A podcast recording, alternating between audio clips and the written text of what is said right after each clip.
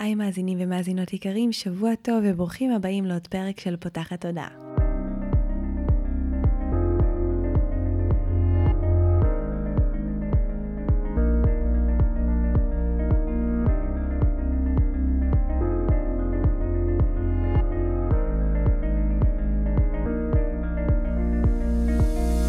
הפעם הראשונה שלכם כאן, פותחת תודה היא תוכנית שנועדה להעביר רעיונות, לאתגר תפיסות קיימות, ולפתוח את צורת החשיבה האוטומטית שנהוגה אצל כולנו, לכל מיני כיוונים חדשים במטרה להכניס לחיים שלנו יותר כלילות, שלווה, זרימה, אהבה, קרבה וחופש, גם במערכת היחסים שלנו מול עצמנו וגם במערכות יחסים נוספות. אני ניצן אלפסי, אני המנחה של הפודקאסט הזה, ואני מאמנת תודעתית ומלווה תהליכי העצמה אישית בעזרת כלים מעולמות התמודה, האנרגיה והרוח.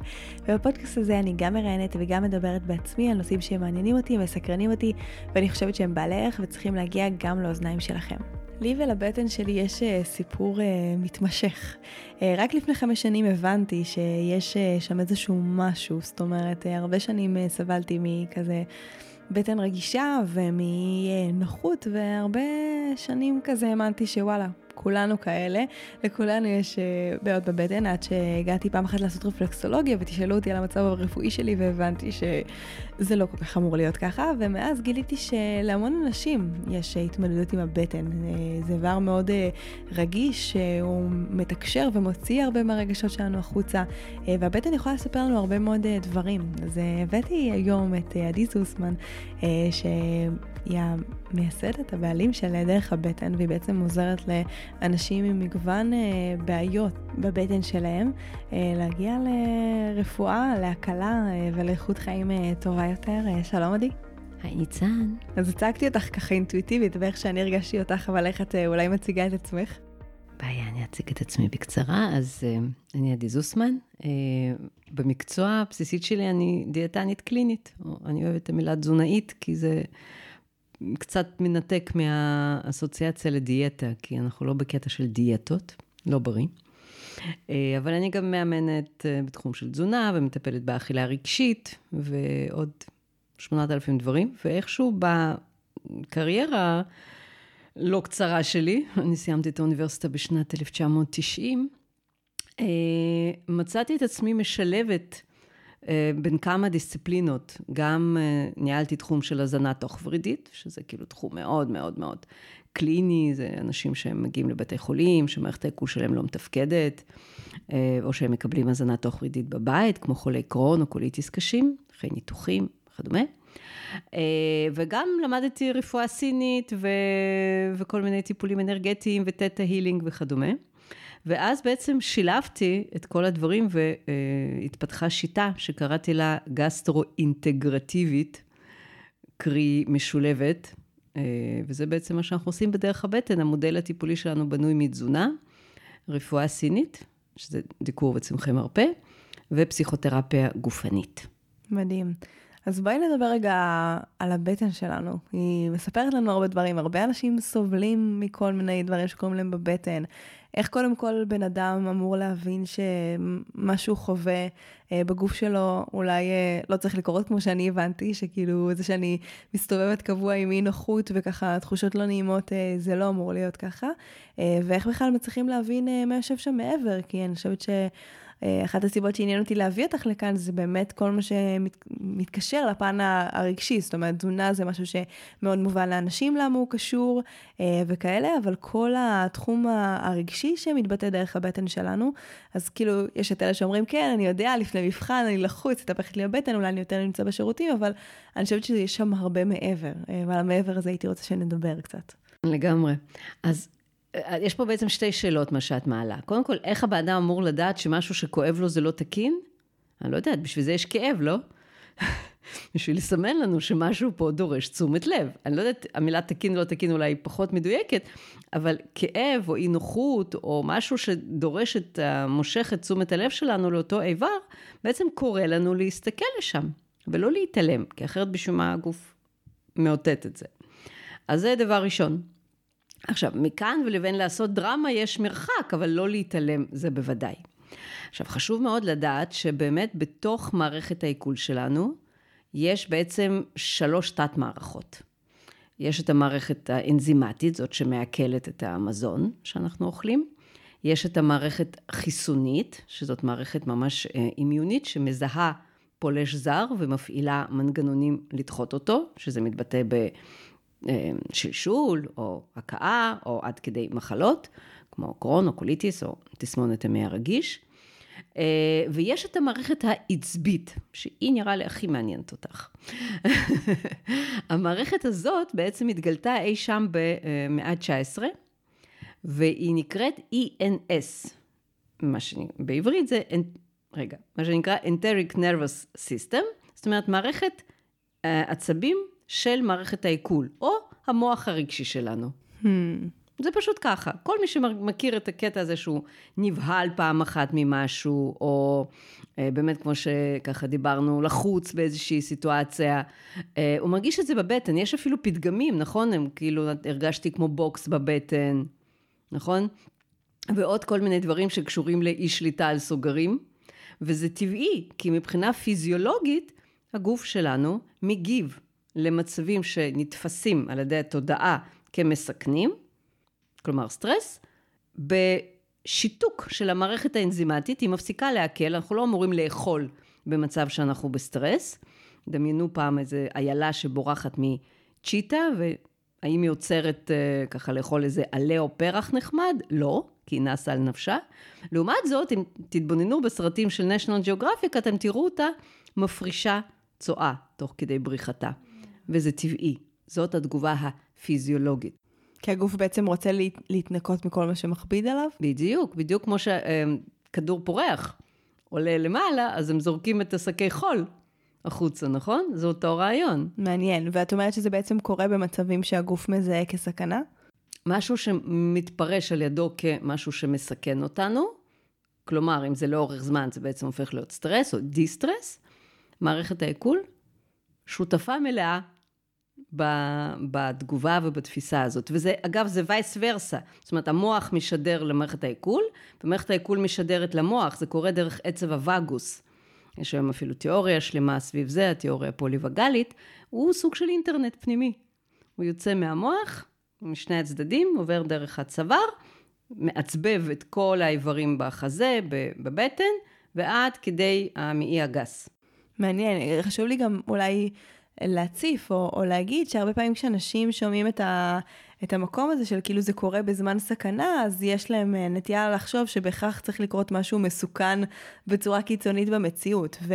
וחשוב לי להגיד מתוך העבודה שלי, ואני מניחה ש... גם את uh, תתחברי לזה מתוך מה שאת עושה, שסכנה uh, היא לא חייבת להיות באמת ממשית. זאת אומרת, הגוף שלנו חווה uh, כל מיני דברים כסכנה, גם אם בתת המודע שלנו, לצורך העניין, אבא שלי, כשהייתי ילדה, צעק עליי מאוד מאוד חזק, ואני נורא נבהלת שצועקים עליי, אז גם אם איזה נהג צעק עליי בכביש עכשיו, אני יכולה לחוות את אותה חוויה רגשית, שבעצם תפעיל את הטריגר הזה, שתוכל גם להשפיע על מערכת העיכול שלי. זה מאוד נכון. זה מאוד נכון, הרי זה בסוף הכל מתחיל מהתפיסות שלנו. אז... בדיוק בדרך לפה התקשרה אליי משת, משתתפת באחת התוכניות שלנו בסדנה תהליכית, וסיפרה לי שהיא מיועדת לצאת לחופשה עם המשפחה. ואיך היא אמרה לי? והבטן שלי מגיבה רע. אז אמרתי, רגע, בואי נסכים קודם כל על זה שהבטן שלך מגיבה נקודה. עכשיו בואי נראה מה עושים עם זה. אין פה סכנה, אבל יש התרגשות ויש כל מיני דברים. אגב, מבחינת הגוף שלנו זה לא ממש משנה האם זה רגשות שאנחנו מפרשים אותם כשליליים או כחיוביים, אוקיי? כל עוד יש קושי אה, להחזיק רגש, להכיל רגש מסוים, הגוף יגיב. כן, אז זה, זה באמת אה, גם דרך אה, לבוא ולשים לב, וגם לא להיות באיזושהי... אה, נקרא לזה, חשוב, חשוב לי להניח את זה כאן, כדי שכל אחד יהיה לו גם את הנרמול הפנימי הזה, כי לפעמים כאילו הגוף שלנו כזה מגיב בכל מיני צורות, ואז אנחנו כזה יכולים גם לשפוט את זה, של כאילו, מה הבטן שלי עכשיו משתגעת, או מה עכשיו אני כאילו לוקחת את זה באובר דרמה, וחשוב להבין גם את הדברים הרגישים אה, שקורים שם. מעניין. אז מה את עוד יכולה לספר לנו על המערכת העצבית הזו? מה עוד אה, כדאי שאנשים יכירו לגביה? אז קודם כל, זה, זה, אני חושבת שפה את מעלה נקודה מאוד מאוד חשובה, כי... אה, רמת התחושתיות, רמת הרגישות של אנשים שונים בעולם, שונה. אחד יש לו סף כאב נמוך, אחד יש לו סף כאב גבוה יותר, נכון? יש אנשים שהם יותר רגישים. יש אנשים שהם פחות רגישים. 100% מהאנשים שמגיעים לקליניקה דרך הבטן הם אנשים מאוד רגישים. עכשיו, אמ, מה זה מאוד רגישים? הם הרבה פעמים באים ואומרים, אני רגיש מדי. אז לא, זה לא רגיש מדי, זה רגיש מאוד. כ-20% מאוכלוסיית העולם, 20-25% לפי הסטטיסטיקה מאוכלוסיית העולם, הם אנשים בעלי רגישות גבוהה יותר. הם מן הסתם יפנו יותר לתחום כמו טיפול, אימון, אומנות, פחות נמצא אותם בהייטק או בבנייה. אמ, אז קודם כל חשוב להכיר בזה שאני כזה, כי, כי בגוף של אדם רגיש שוכנת מערכת עיכול רגישה. כן, בהכרח מוצאים uh, קשר בין הדברים, שאנשים שהם יותר uh, רגשיים בחוויה שלהם, אז גם מערכת העיכול שלהם יותר רגישה. זה ממש מעניין. חד משמעית, זה רק עניין של זמן מתי זה יבוא לידי ביטוי. וואלה, למה בעצם? למה לא? כאילו זה, את אומרת שבהכרח יש קשר בין הרגישות הפיזית לבין הרגישות הגופנית. אה, תראי, זהו, שזה האינוח. ההפרדה, הדיכוטומיה בין הפיזי לרגשי, זה חטא גדול של הרפואה המודרנית. בעצם ברפואות מסורתיות, אם אנחנו מסתכלים, אין בכלל הפרש, אין הבדל. זאת אומרת, אם את שומעת למשל תיאור של אה, מחלה ברפואה סינית, אז זה יכול להיות מתואר כי הבן אדם סובל מעליית חום, מצפצופים באוזניים, מכאבי בטן, מגיהוקים, שעוקים והתקפי זעם. זה נאמר באותה נשימה. ובאמת, מה ההבדל? זה הכל, הכל מחובר. אז מה בעצם עושים או יכולים לעשות? כאילו גם חשוב לי רגע שנתייחס, יש ממש ספקטרום גדול של, של כאבים בבטן, נכון? יש אנשים שיש להם פשוט מעי אה, רגיש או רגיז, כל אחד והמינוחים שלו, ועד אה, רמה של קרון וקוליטיס, שזה כבר ממש מה, כאילו מחלות דלקתיות. אז הטיפול הוא, הוא דומה, ההתייחסות היא דומה, לכל אה, כאב כזה יש משמעות רגשית שונה, איזה, כאילו, מה, איך אפשר להסתכל על זה ולהבין על זה קצת יותר? ועד כדי סרטן, אם כבר התחלנו, mm-hmm. כן? כי בסופו של דבר, בסופו של דבר, אמ, דלקת כרונית לא מטופלת, תהפוך, ל, או יש לה סיכוי גבוה להפוך לגידול. זה אותו מנגנון ביוכימי. אה, אז מה עושים? אז קודם כל מכירים בזה. אה, את יודעת, אני רואה בפורומים, אה, ככה שאני מנהלת, שאלות, ואני אומרת, זה מדהים שאנשים עדיין שואלים את השאלות האלה. למשל, האם בהכרח עישון מזיק? שנת 2022, אנשים עדיין שואלים האם בהכרח עישון מזיק.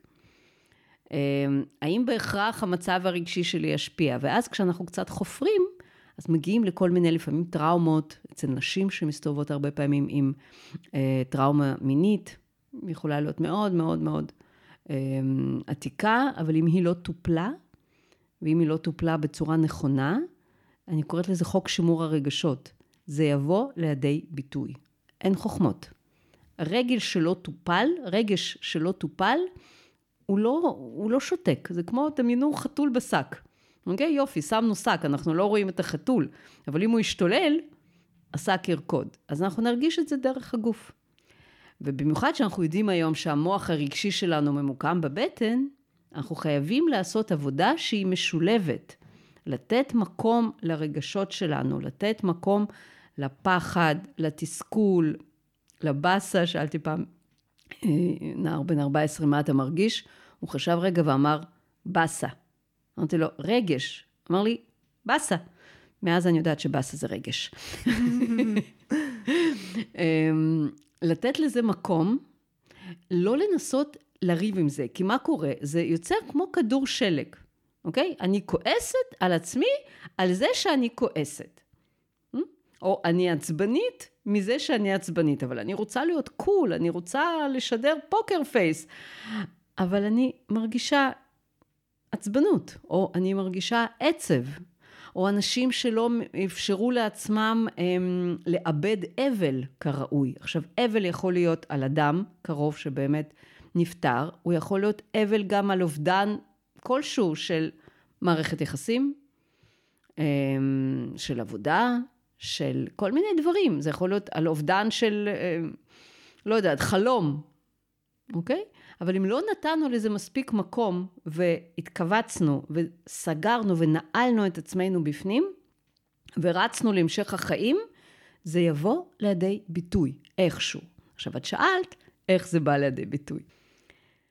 אמ, לואיז היי, חביבתי, אמ, הייתה, אני חושבת, בין החלוצות, שככה התחילה אמ, למפות את הרגשות והתפיסות שלנו, ואיך הם באים לידי ביטוי באיזה איבר. אה, אז קודם כל, כל מה שנוגע למערכת העיכול, בדרך כלל זה קשור לקושי לעכל דברים כאלו או אחרים. או קושי לשחרר, למשל, אנשים שסובלים מעצירות כרונית, אוקיי? הרבה פעמים כשאנחנו קצת ככה חופרים פנימה, מתברר שיש שם איזושהי מערכת אה, אה, יחסים שאומנם הסתיימה, אבל הבן אדם עדיין מחזיק את התסכול ואת הכאב ואת העלבון, אוקיי? זאת אומרת שיש שם עדיין רגשות שלא עובדו ולא שוחררו. אה, והם יבואו לידי ביטוי, למשל, בצורה כזאת, כמו, כמו עצירות כרונית. אמ, למשל, אני נזכרת במקרה, קיבה, אם אני ככה קופצת רגע לקצה השני של הצינור העיכול, קיבה, ושת, פה, אה, זה מקומות בעצם הראשונים שמערכת העיכול שלנו פוגשת כשאנחנו מכניסים מזון פנימה, והיא גם, אלה גם יהיו המקומות הראשונים שיגיבו בדרך כלל ל... אני מתקשה לקבל את זה, אני מתקשה לבלוע את זה, אני מתקשה להשלים עם השינוי או עם משהו שקרה. אמ, הרבה פעמים יש שם למשל עניינים של צרבות וריפלוקס, זה כאילו אני דוחה את זה מעל פניי, אני לא מוכן לקבל את זה. אמ, תחושות החמצה, הרבה פעמים מאוד מאוד חזק יושבות שם. אמ, אנשים שהריפלוקס שלהם משפיע על מיתרי הקול. ריפלוקס יכול לבוא לידי ביטוי בתחושת צרבת, והוא יכול לבוא לידי ביטוי בתחושה של צרידות, כאב גרון, שיעול. אנשים הולכים לאף אוזן גרון ועושים בדיקות ולא מוצאים כלום. אף אוזן גרון חכם יגיד לו, לך לגסטרו. ואז הם מגלים באמת אה, עלייה של תוכן הקיבה. אה, זה יכול להיות קשור באמת למשהו שאני לא מוכן, לא מסוגל להגיד. לא אמרתי, לא הבעתי, לא השמעתי את קולי. וזה יכול להיות גבר או אישה, אוקיי? Okay? ככל שאנחנו מתקדמים יותר לעומק, לאורך צינור העיכול, אנחנו מגלים שם עוד כל מיני דברים. למשל, המי הדק שלנו, שהוא בעצם החלק הארוך ביותר בתוך צינור העיכול, הוא מלופף שם, יש שם איזה 6-7, תלוי בגודל הבן אדם, 5 אה, מטר, 5 מטר. אה, התפקיד העיקרי של המעי הדק שלנו זה לסנן, כמו מסננת. עכשיו, מה זה לסנן? אני מסנן את המידע שמגיע אליי מהעולם החיצוני. חלק מהדברים הם תפילים, חלק מהדברים הם עיקריים. הרבה פעמים אנחנו פוגשים שם אנשים שמתקשים להפ... להפריד בין עיקר לטפל. אה, אנשים שאומרים, אין לי אור, כל דבר מגיע אליי, כל דבר משפיע עליי, כן? הם נורא מושפעים מאנרגיות אפילו. הם נכנסים לאיזשהו מקום, לאיזשהו חדר, והם מיד מגיבים אם יש שם אנרגיה יותר טובה או פחות טובה. זה אנשים שאנחנו נמצא שם עניינים בתוך המי הדק. אמ, התחילת המי הדק, בעצם התריסריון, זה החלק העיקרי שבו נספגים הרכיבי התזונה, הנוטריאנטים לגוף. אה, ואנחנו מתמודדים הרבה פעמים עם אנשים שבין אם יש משהו בבדיקות ובין אם לא, יש איזושהי תת-תזונה, תת-משקל, חוסר יכולת לשפר את המצב התזונתי, למרות שבאופן אובייקטיבי, אם הם עושים בדיקות, על פניו הכל תקין. כשחופרים קצת יותר פנימה, מגלים שיש שם קושי מאוד מאוד גדול לקבל. נקודה. Hmm. לקבל אהבה, לקבל מתנות, לקבל נתינה. עכשיו, נתינה היא דו-צדדית, היא דו-כיוונית, את יודעת, נון תף נון. זו מין מילה כזאת בעברית החכמה שלנו, שהיא... הפוכה על שני כיוונים. וייס ורסה, כן. אז הנתינה היא תמיד לשני הצדדים. הרבה פעמים אנחנו פוגשים אנשים שהם לב זהב, הם נותנים לכולם את הכל, אבל הם לא מסוגלים לקבל בעצמם, ואם גם באים ונותנים להם, הם שוללים את זה, בין אם זה עזרה, ובין אם זה כל דבר כזה. אם אני תודעתית לא מסוגלת לקבל, גם פיזית, אני לא אהיה מסוגלת לספוג. וזה ממש משהו שהוא ברמת, יכול להיות שינוי ברמת שבועות. כשבן אדם באמת נופל לו האסימון והוא עושה את השינוי הזה, והוא מלמד את עצמו, מתרגל את עצמו להיפתח לנתינה שהעולם רוצה לתת לו, אז פתאום הוא גם מתחיל לספוג טוב יותר את המזון. מטורף. לגמרי, כן. והמי הגס? המי הגס זה, כמו שאומרת לואיז היי, זה, ה... זה העבר, כן? יש אנשים שחיים ב... ב... בחיים עם רגל תקועה בכיסא, לא משחררים את העבר.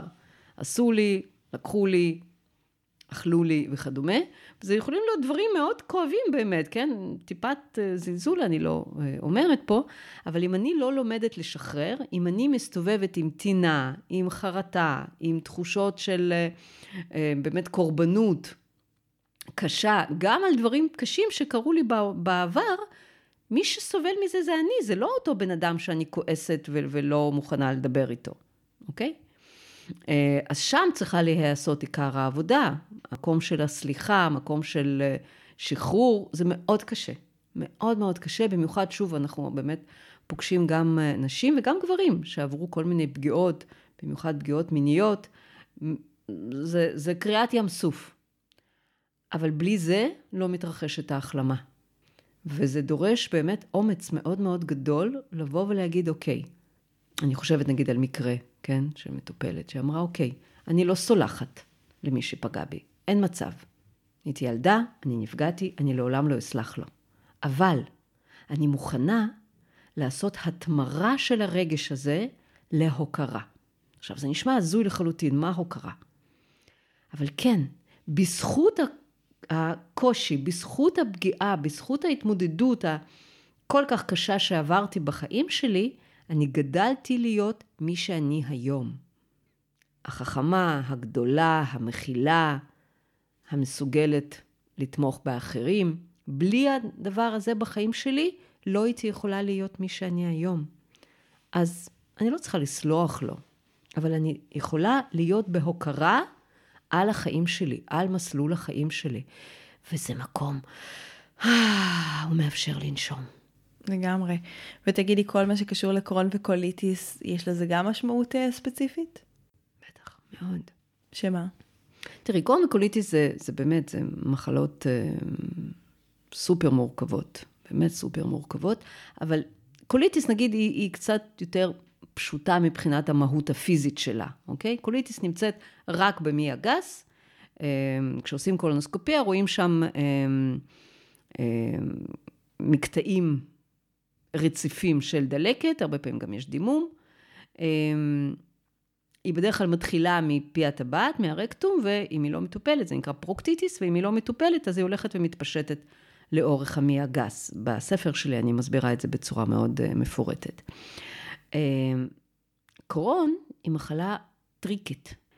היא יכולה להיות לכל אורך הצינור העיכול, מהפה ועד פי הטבעת, והיא מתבטאת, זאת אומרת, כשמסתכלים בקולונוסקופיה רואים כמו מוזאיקה, כמו אפטות בפה, אנשים מכירים אפטות בפה, אז יש מצבור כזה במקום אחד, ואחר כך רירית תקינה, ואחר כך עוד פעם מצבור.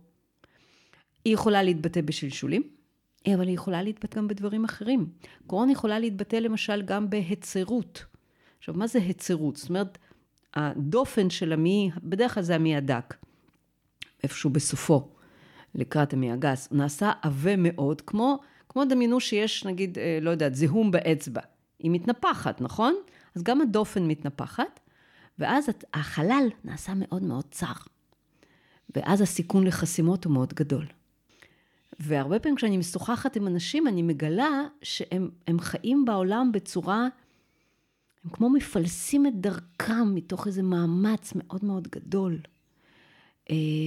הם מאוד מאוד מכווצים. הם לא משאירים לעצמם זמן לדברים בסיסיים, לשבת לאכול בנחת. לא, הכל מהר, הכל טק טק טק, זורקים פנימה. עכשיו אני אומרת, אם אתה זורק פנימה אוכל, איך תעכל אותו? אז הוא ייתקע. וזה החסימות. אמ, ואת יודעת, אנחנו יכולים להסתכל על זה גם ברמה התודעתית ולשאול איזה חסימות יש לך בתודעה, איפה אתה חסום, מה אתה לא מאפשר לעצמך mm. עדיין.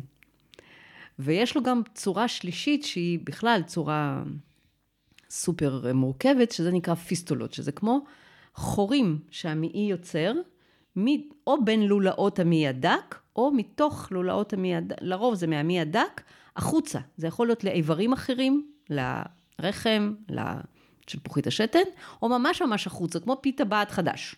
וואו. כן. אה, שם הרבה פעמים אני מזהה אנשים שהם, מה שנקרא, ראש בקיר. זאת אומרת, אני לא מוותר, לא משנה מה.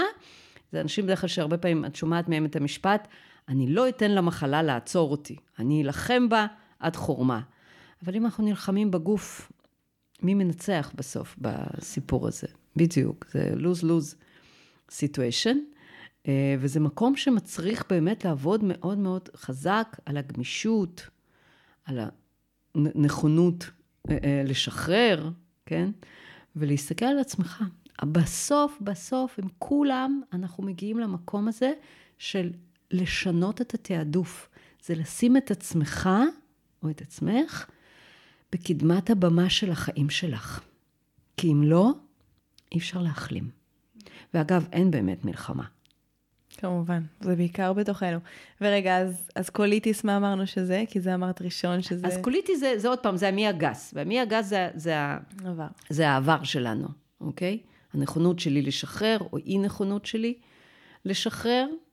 אמ, אבל עוד פעם, זאת אומרת, אני זורקת פה דברים אה, כלליים, אצל כן. כל אחד כמובן צריך לחפש את מה שהכי נכון נכון, עבורו. ואיך מחפשים, איך אנחנו יכולים אולי כבר לתת, נראה לי שזה מתחלק לשניים, או שאולי תגידי שזה לא תלוי אחד בשני, אבל נראה לי שקודם כל צריך לזהות מה, מה הבעיה או האתגר ברמה הפיזית, כאילו, תגידי לי את אם צריך שיהיה לזה ממש את ההבחנה פר אקסלנס, או שזה פשוט כאילו, אוקיי, משהו כואב ולחקור. אה, ואז השלב השני זה גם איך בעצם נותנים לזה מענה מעבר ל, ל, להיות עם הרגשות שלנו, כמו שדיברת קודם. כאילו איך, אה, אולי אפילו אנחנו יכולות לתת כמה טיפים למי שמאזין לנו ברמה אה, גם הרגשית, אולי גם התזונתית, למה אפשר לעשות עם זה בתור התחלה. כן, בטח, בשמחה. אז קודם כל אנחנו חיים בעולם שאנשים נורא רוצים אה, אה, לתת שם, נכון? בקואוצ'ינג קוראים לזה לשיים דברים. זה המקום היחיד שבו למדתי את המילה הזאת, לשיים. אז כן, אבל, אבל ככה ה mind שלנו עובד, הוא נורא רוצה לתת שמות. אז קודם כל לעשות אבחון.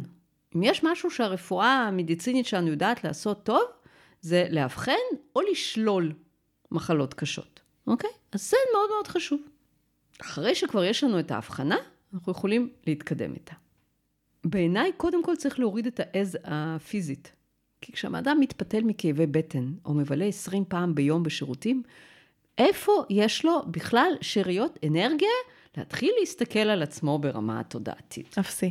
אין, אין סיכוי, זה לא, לא יעבוד. אז קודם כל בואו נוריד את, את הדרמה האמיתית שמתרחשת שם ברמה הפיזית, אוקיי?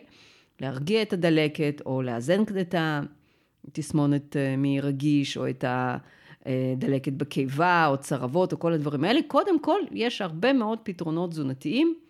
אני מזמינה את המאזינים אחר כך להיכנס לאתר של דרך הבטן, יש שם בסרגל העליון טיפים חינמיים, ותגללו שם, כי זה ממש מחולק לפי מחלות.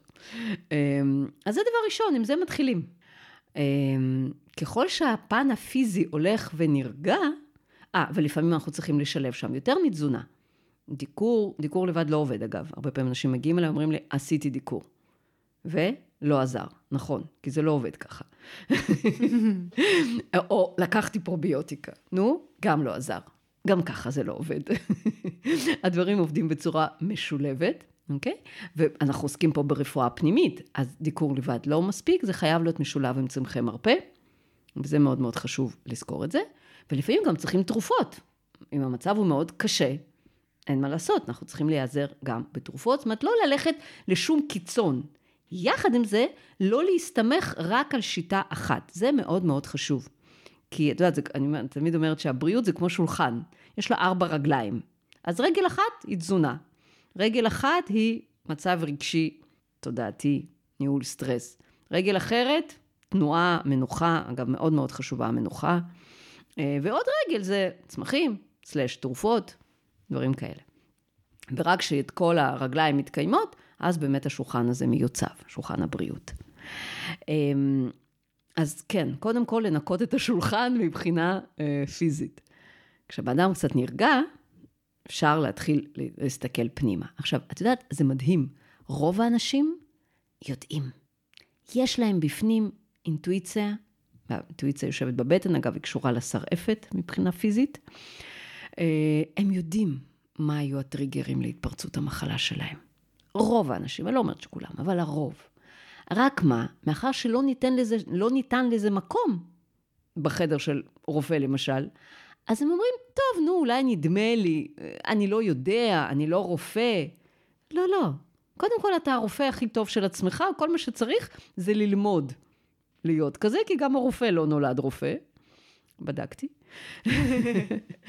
אמ, אבל כן, קודם, להתחיל להאמין לאינטואיציה, אנשים יודעים, קרה, קרה לי ככה וככה.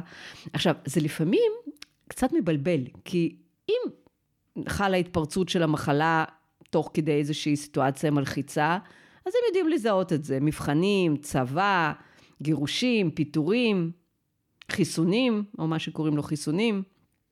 אה, אנחנו מקבלים, אגב, אנשים שנפגעו מהזריקות, זה מאוד ברור, רואים את הקשר. אה, אז סבבה, אז אפשר לזהות את זה, אבל לפעמים יש מצב שבן אומר לי, תקשיבי, אני לא מבין. זה הופיע לי בתקופה הכי רגועה של החיים שלי. קודם עשיתי ככה ועברתי ככה וככה וככה. גם זה קורה, כי לפעמים כשאנחנו אה, נמצאים באיזשהו סטרס, ובאמת האדרנלין מופרש והגוף מגויס, אה, אז אין לו זמן להיות חולה לגוף החמוד שלנו, הוא עסוק במנוסה כרגע. ודווקא כשהגענו אחו, אז מתחיל התהליך הזה של רגע, תשים לב אליי. זה קורה למלא אנשים שהם פתאום חולים בחופשה, או כשיש איזה משהו שכזה פתאום נגמר הסוס בעבודה, כי רק אז הגוף שנייה קולט מה הוא עבר ומתחיל להגיב. כן, כן. קודם כל, איזה חמוד הגוף הזה. הוא עובד כל כך קשה בשביל הראש שלנו, שלא שם עליו, שכשכבר קצת עוצרים, אז הוא מרשה לעצמו לקרוא לתשומת לב. אז כן, אז, אז גם במקרים האלה, חשוב לשים לב. אבל לפעמים צריכים לחפש. בשביל זה, אני מאוד מאמינה בפסיכותרפיה גופנית, להבדיל מפסיכולוגיה קלינית. שבואי נדבר רגע על מה זה, כי גם כתבתי לי שאני רוצה לשאול אותך, כאילו, מה זה בעצם פסיכותרפיה גופנית, okay. איך אוקיי. היא עובדת ו... okay. אוקיי. ואיך היא עוזרת לנו. אז אמ, קודם כל, זה ענף בפסיכולוגיה, שמי אה, שבעצם היה, שפיתח אותה היה אה, ויליאם רייך, דוקטור ויליאם רייך, שהוא היה בין תלמידיו או עמיתיו של פרויד. הוא פעל באותה תקופה עם פרויד, עם קרל יונג, כל תחילת המאה ה-20. אמ, והם שמו לב שבכל מיני, אגב, גם פרויד ראה את זה, רק הוא לא הלך לכיוון הזה. אוקיי? הוא היה מודע לזה היטב, זה קיים בכתביו. רייך שם על זה את הדגש, והוא ראה שבכל מיני סיטואציות, כשמזכירים כל מיני דברים, התגובות של הגוף הן בהתאם לפעמים לתגובה הרגשית של הבן אדם. הם חקרו אז את ההיסטריה, כמובן שהם ייחסו את זה לנוכחות של רחם נשית, אמ, אבל אחר כך לאט לאט זה הלך ויצא. מה זאת אומרת, הם אמרו כאילו שזה משהו שיש רק לנשים? כן.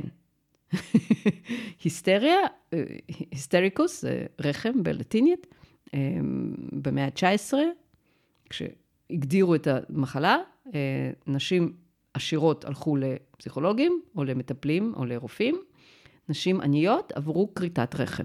וואו. בתור טיפול להיסטריה, שתירגע. אמ, יש סרט מצוין, מצויר שנקרא, לא מצויר, הוא מצוין, שנקרא היסטריה. ממליצה לצפות.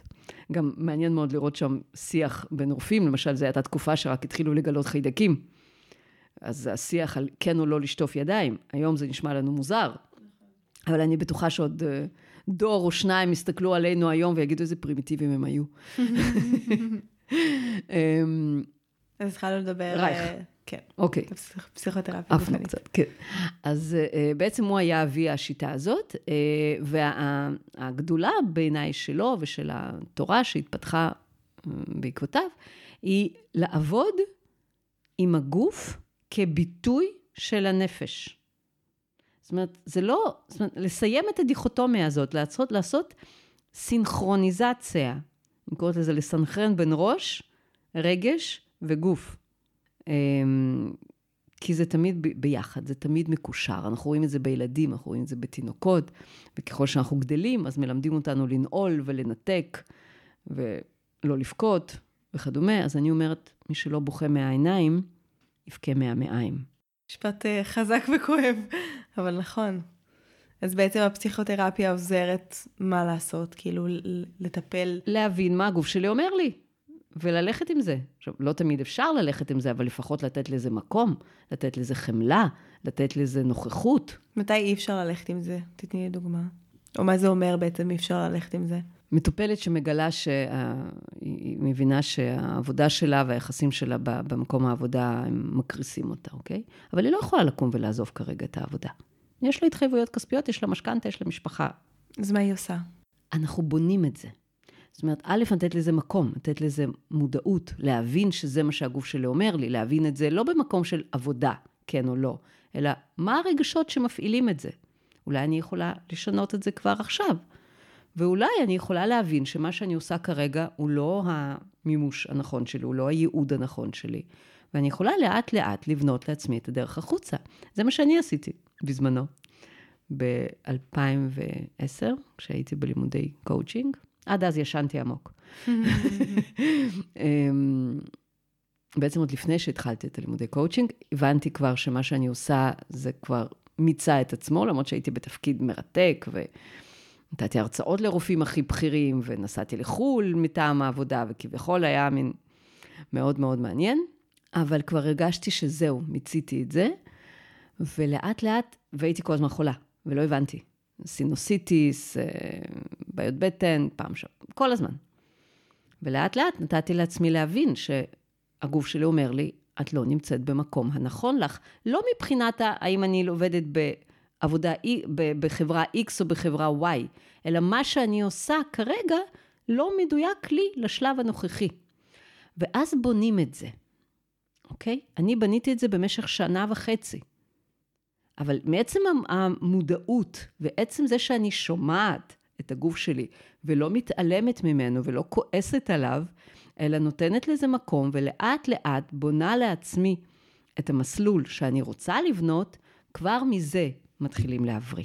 מדהים. אז איך אנחנו יכולות רגע להוריד את זה לפרקטיקה עבור המאזינים שלנו? כאילו מישהו שעכשיו אה, מאזין לנו ואומר, אוקיי, כאילו, אני עוד בשלב שרק כואבת, כואבת לי הבטן, אה, או אני מרגיש דברים כאלה ואחרים.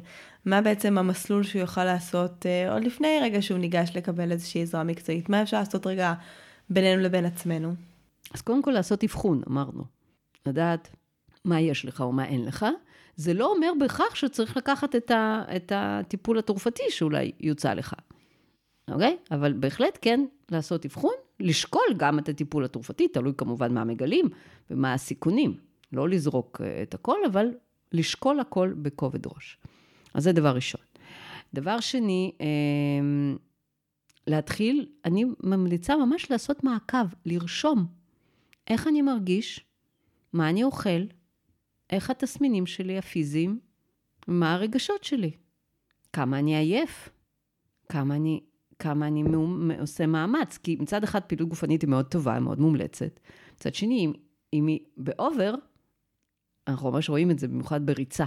אנשים שעושים הרבה ריצה, ויש להם מערכת עיכול רגישה, התלונה השכיחה ביותר, יש לי יותר מדי יציאות, אני צריך לשבת מאחורי השיח, תוך כדי. אז uh, לשים לב לזה, יכול להיות שסוג הפעילות הזה פחות מתאים לך בשלב זה של החיים. אולי יש סוג אחר של פעילות גופנית שאתה יכול להתאים לך, אוקיי? להתחיל לעשות מעקב עצמי לא שיפוטי, כמה שאפשר לא שיפוטי. אה, אבל זה, זה באמת, זה ללמוד את המטריה, ללמוד את עצמי. אמ, במקביל, אתה תגלה כל מיני דברים מבחינת התזונה. עכשיו, חלק מהדברים אפשר יהיה לגלות במיידי, כי תזונה יכולה להשפיע תוך דקות או שעות, אבל לפעמים גם לא. למשל, משפט מאוד שגור של, נגיד, אני חושבת על אנשים עם קרון וקוליטיס, אומרים לנו, אבל לחם לבן זה בסדר לי, זה עובר לי טוב, אוקיי? כלומר, זה עובר לי? זה אומר שסימפטומטית, אתה לא מרגיש תגובה ללחם או עוגה או פסטה שאכלת כרגע, אבל ככל שתלמד את זה קצת יותר לעומק, אתה תגלה שהחיטה המודרנית ומוצרי חיטה הם דווקא פרו-דלקתיים, זאת אומרת, הם מעודדים דלקת.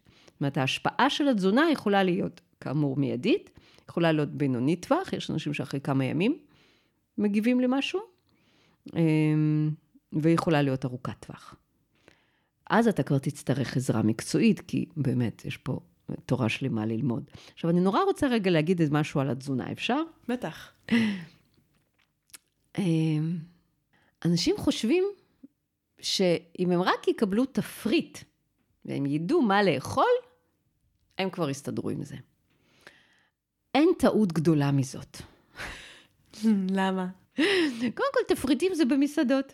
אנשים לא אוכלים תפריט, הם אוכלים אוכל, הם אוכלים רגשית, הם אוכלים חברתית, הם אוכלים מכל מיני סיבות. אז זה דבר ראשון, צריך להתחיל לחקור גם את זה, ואת זה אפשר לעשות רק עם איש מקצוע, זה מאוד קשה לעשות לבד. יש המון המון אספקטים בנושא התזונתי, שהם לא יכולים להיכנס בתוך הגדרת התפריט. ארוחת בוקר תאכל ככה, צהריים תאכל ככה, וערב תיתן לאויב, אמר רמב"ם. אמ, המון דברים, למשל, אה, באיזה שעה אתה אוכל את אותו מזון עצמו. אה, אצל נשים, במיוחד נשים פוריות, באיזה שלב בחודש, כי לפן ההורמונלי יש גם השפעה. מה שיהיה לך סבבה בכמה ימים אחרי הווסת, לא בהכרח יהיה סבבה בזמן הביוץ או לקראת הווסת, אוקיי? נכון, זה גם מה שלקח לי זמן לגלות שגם בכללי פעילות המעיים היא יותר עצימה סביב מופעים מסוימים בחודש, שזה גם, כאילו אף אחד לא מלמד אותנו את זה, וזה סופר חשוב. כן, כי את יודעת, אין לזה תרופה, אז למה ללמד? Hmm. אבל כן, תצפית עצמית, במיוחד אם אישה עושה תצפית עצמית, מאוד מאוד עוזרת. עכשיו, גם גברים, אמנם אין להם וסת, אבל גם הם יצורים ביולוגיים שנתונים לחסדי, למשל, השדות המגנטיים. אוקיי? הירח מזיז את המים באוקיינוסים, אנחנו בנויים 70 אחוז ממים, אז איך לא נגיב? עונות השנה מאוד מאוד משפיעות. עונות המעבר, או קיץ, אגב, אצלנו בקליניקה יולי-אוגוסט מפוצץ, ינואר-פברואר אני מחפשת לעצמי מה לעשות. למה? כי בקיץ יש יותר מחלות מעיים. באמת? Mm-hmm. מה ההסבר שעומד מאחורי זה? חם. ואנחנו עוסקים במחלות שהן קשורות לחום פנימי. וואלה, וואו. יש יותר סיכוי לזיהומים. זיהומים יכולים להיות טריגרים להתפתחות של, אה, או להתעוררות של מחלת מעיים, אוקיי? Okay? ואם אני מסתכלת על התזונה, אז בקיץ אוכלים יותר דברים קרים, וקור מחליש את מערכת העיכול. זאת אומרת, גלידה למשל, או ארטיקים, או אבטיח קר, זה יכול להיות mm, די קשה, בוא נגיד ככה. ואנשים שלא שמים לב לזה, אז המצב הוא לא כיפי.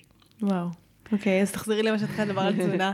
סליחה, זה סקרן. אז אני אומרת, המון המון דברים אה, אה, משפיעים. עונה, זמן, מתי אתה אוכל, איך הכנת את האוכל. אנשים הרבה פעמים אומרים לי, אה, זה טוב לי או לא טוב לי לאכול? תלוי איך הכנת אותו, אוקיי? אפשר לבשל, אפשר לעדות, אפשר להקפיץ. זאת אומרת, אותו מזון עצמו יכול להיות שונה מבחינת התגובה של הגוף שלך, אם הוא טרי או עבר בישול מסוים. אפילו עם מי אתה אוכל את ה... ארוחה, החברה שבה אתה אוכל, יכולה להשפיע על אותו משקל ארוחות עסקיות, בעיניי זה פשוט מזעזע. אתה במתח לסגור עסקה, אז אתה אמור גם לעכל תוך כדי? לא עובד. וואו. כן. גם אולי ארוחות משפחתיות טעונות רגשית. אה, לגמרי, תדעי לך שלקראת החגים, גם לקראת חגי תשרי וגם לקראת פסח, אנחנו עושים הדרכה איך לעבור ארוחה משפחתית בשלום. לא רק מבחינת מה אתה אוכל, גם איך אתה...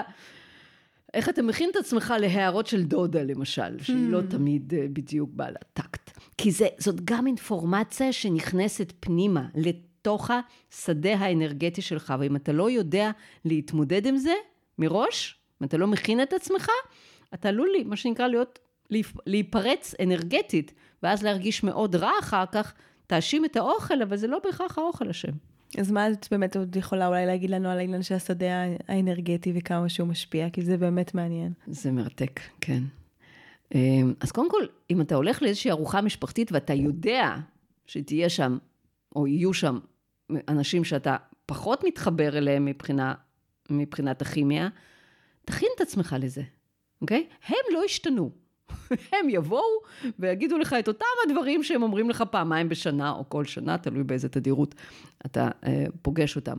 אבל אתה יכול לשנות את התגובה שלך, אתה יכול להתרחק מהם, אתה יכול להגיד שלום, לתת נשיקה באוויר ולשבת בקצה השני של השולחן למשל, כן? ישאלו אותך מה שלומך, תגיד מצוין, ושוב תתרחק לקצה השני של החדר, אם אתה לא רוצה להיכנס שם לשיחה. ואם בכל זאת נפלת לתוך הערות כמו, אתה נראה מאוד רזה, אולי תאכל משהו. Hmm? אתה יכול לנשום, לחייך ולהגיד, תודה על הצעתך, אני אשקול אותה. Hmm. החוסר טקט הישראלי, אני חייבת להגיד את זה, הקלות הזאת שבה אנשים מעירים על הגוף, או על סטטוס משפחתי, או על רמת הילודה, מה עניינכם?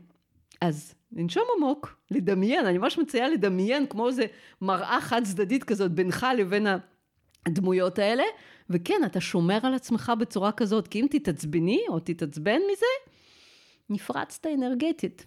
תסבול אחר כך. הדודה תמשיך להיות כמו שהיא, אבל אתה תסבול. כי גם הדברים האלה משפיעים עלינו רגשית, ואז מערכת העיכול שלנו מושפעת. מיידית. אני גם מאוד מאמינה שכאילו אוכל זה אנרגיה, ואז גם מי שבישל את זה, לפעמים יש לזה אנרגיה מסוימת, שזה נכנס אליך לגוף, או באיזה אנרגיה באמת היינו כשאכלנו, זה... את יודעת שפעם, כשחיינו בקומונות, בשבטים, אישה בזמן הווסת, היום כל הנושא של נידה נהיה פתאום נורא מדובר וזה, אבל היא לא הייתה מורשית לבשל. וואלה. לחמולה. עכשיו, אני אומרת, סבבה, אוהל אדום, כן. אפשר לנוח, אוקיי? אבל זה מאוד מעניין, ההסתכלות הזאת. נכון שאפשר לפרש את זה כבורות וכפחדים, כן, אבל יש בזה גם חוכמה. כן, שיש לה את האנרגיות שלה והיא צריכה אותם גם לעצמה, ולא... זה לא הזמן שלה לנתינה, זה זמן שלה להתכנסות, למנוחה, ל... נכון? לגמרי. לגמרי. מעניין. אז דיברנו באמת על הפן הזה של התזונה, היה עוד מה שרצית להוסיף לגבי תפריט? כזה קפצנו בין הנושאים, כן. אז רק לוודא ש... כן. Uh, את לא רוצה לשאול אותי מה הבאתי לך? אני רוצה לשאול מה הבאתי. אז, uh, אז עדי הביאה לי פה צנצנת שיש בה איזשהו נוזל, uh, לא צלול לגמרי, עם עוד uh, חתיכה של תפוח בפנים. הביאה לי מתנה. אז שאלתי אותה מה זה, איך משתמשים בזה, אמרה לי, עוד מעט אני אגלה לך. כן, הביאה לי משהו מוזר וקוראת לזה מתנה. כן. אישה מוזרה. כן, אז מה שהבאתי לך פה, ניצן יקרה, זה מי כפיר. פוסידוס מי כפיר. אני אסביר לך. יוגורט, כולם יודעים מה זה. נכון? עכשיו, מה זה יוגורט בעצם?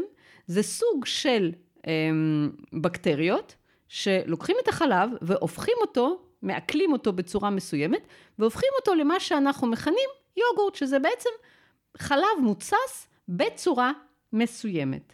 אותו דבר יש כפיר. זה סוג אחר של בקטריות, שלוקחים את החלב, מתסיסים אותו ומייצרים משקה מוצס אחר, שונה מיוגורט. רביון למשל זה דוגמה לזה, ומי שבא אה, מארצות כמו של המזרח אירופה או רוסיה, מכיר את הכפיר כמשקה, הוא דומה לרביון. אני זוכרת את זה מהילדות שלי. אבל זה נראה כמו חלב. אבל זה לא חלב, כי אמ, אותם בקטריות, שזה שילוב של בקטריה, שזה חיידקים ושמרים, מייצרים אה, סוג של התססה, שאפשר להפעיל אותה גם במים. כי רוב האנשים עם מחלות מעיים והפרעות של מערכת העיכול חלב הוא לא נכון.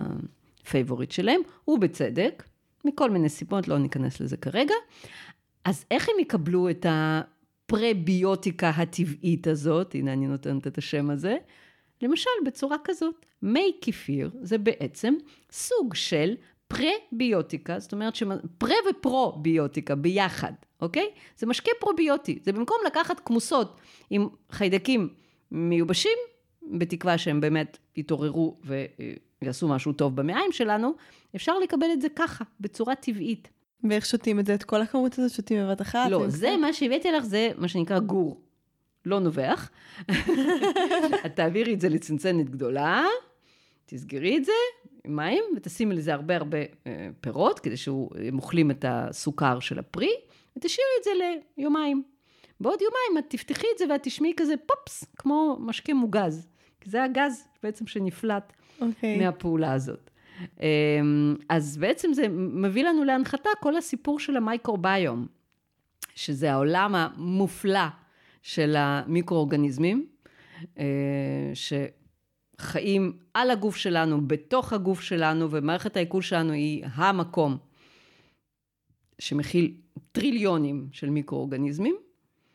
אמ, ככל שלהם יותר טוב, ככה אנחנו יותר בריאים. Hmm. אה, ולמשל, לצרוך מזון פריביוטי עוזר לנו אה, לשפר את מבנה חידקי המעיים שלנו. אז את זה שותים את כל הכמות, שותים כל פעם קצת, מה עושים עם זה? מתחילים בקטנה, כף שתיים ביום. אני היום שותה גם ליטר כזה ביום. וואו. אבל כשהתחלתי ולא נזהרתי, אז קצת נהיה לי נפיחות. שזה טבעי, אגב, זו תופעת לוואי טבעית, גם מי שמתחיל פרוביוטיקה טובה, שבאמת משפיעה עליו, אז הוא יכול להרגיש בהתחלה קצת נפיחות. כן? וזה קטע, כי אנחנו נחזור לפן הרגשי. את יודעת שנעשו מחקרים עם אה, אה, אותם אנשים, בדקו את הרכב הצואה שלהם וראו שכשהם במצב של סטרס, לחץ, הרכב הצואה מבחינה מיקרוביאלית שלהם שונה מזה של אותם האנשים כשהם בחופשה. וואו.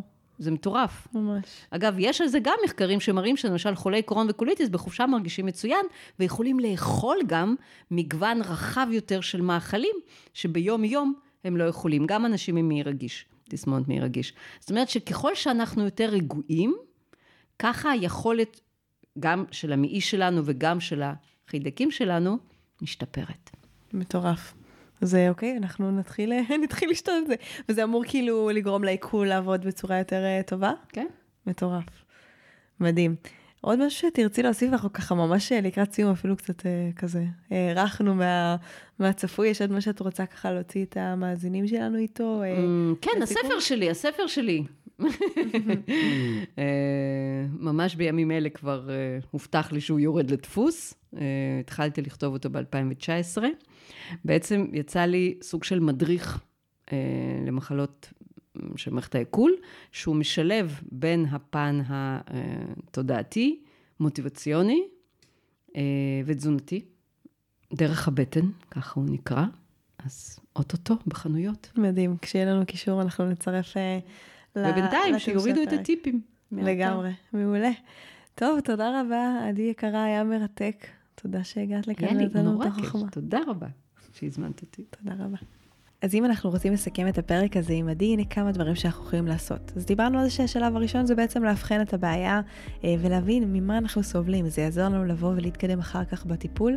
אה, לשקול טיפול תרופתי, אבל לא בהכרח ללכת על זה כפתרון ראשון. אנחנו רוצים לעשות מעקב, בעדיפות כתוב, כי זה שזה בראש שלנו לא אומר שזה באמת אה, נמצא ואנחנו נזכור את הכל, ממש לשים לב כל יום איך אנחנו מרגישים, מה אנחנו אוכלים, איזה תסמינים פיזיים יש לנו, מה אנחנו מרגישים ברמה הרגשית, מבחינת עייפות, מבחינת מאמץ שלנו באותו יום, זה יעזור לנו להבין יותר טוב מה הגוף שלנו עובר ועם מה הוא מתמודד ואיך אפשר לתת לו מענה.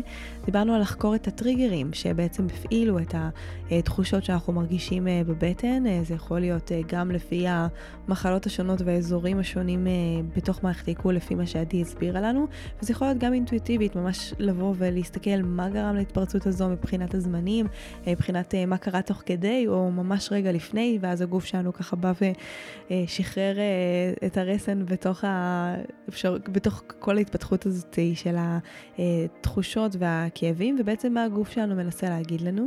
אה, דיברנו על להיעזר באנשי מקצוע, וחשוב גם לשים לב שזה כאלה שמתמחים ספציפית בבעיה אה, שלנו, כדי שיוכלו לעזור לנו בצורה המטיבה ביותר.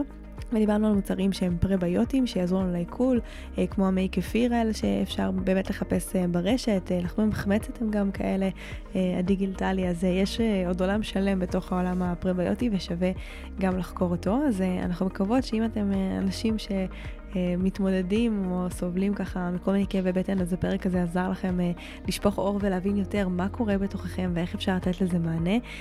ואנחנו נשמח שאתם תשתפו אותו עם אנשים שאתם אוהבים ואולי גם מתמודדים או יוכלו להפיק ערך מהפרק הזה כדי שהוא באמת יגיע לאוזניים הנכונות.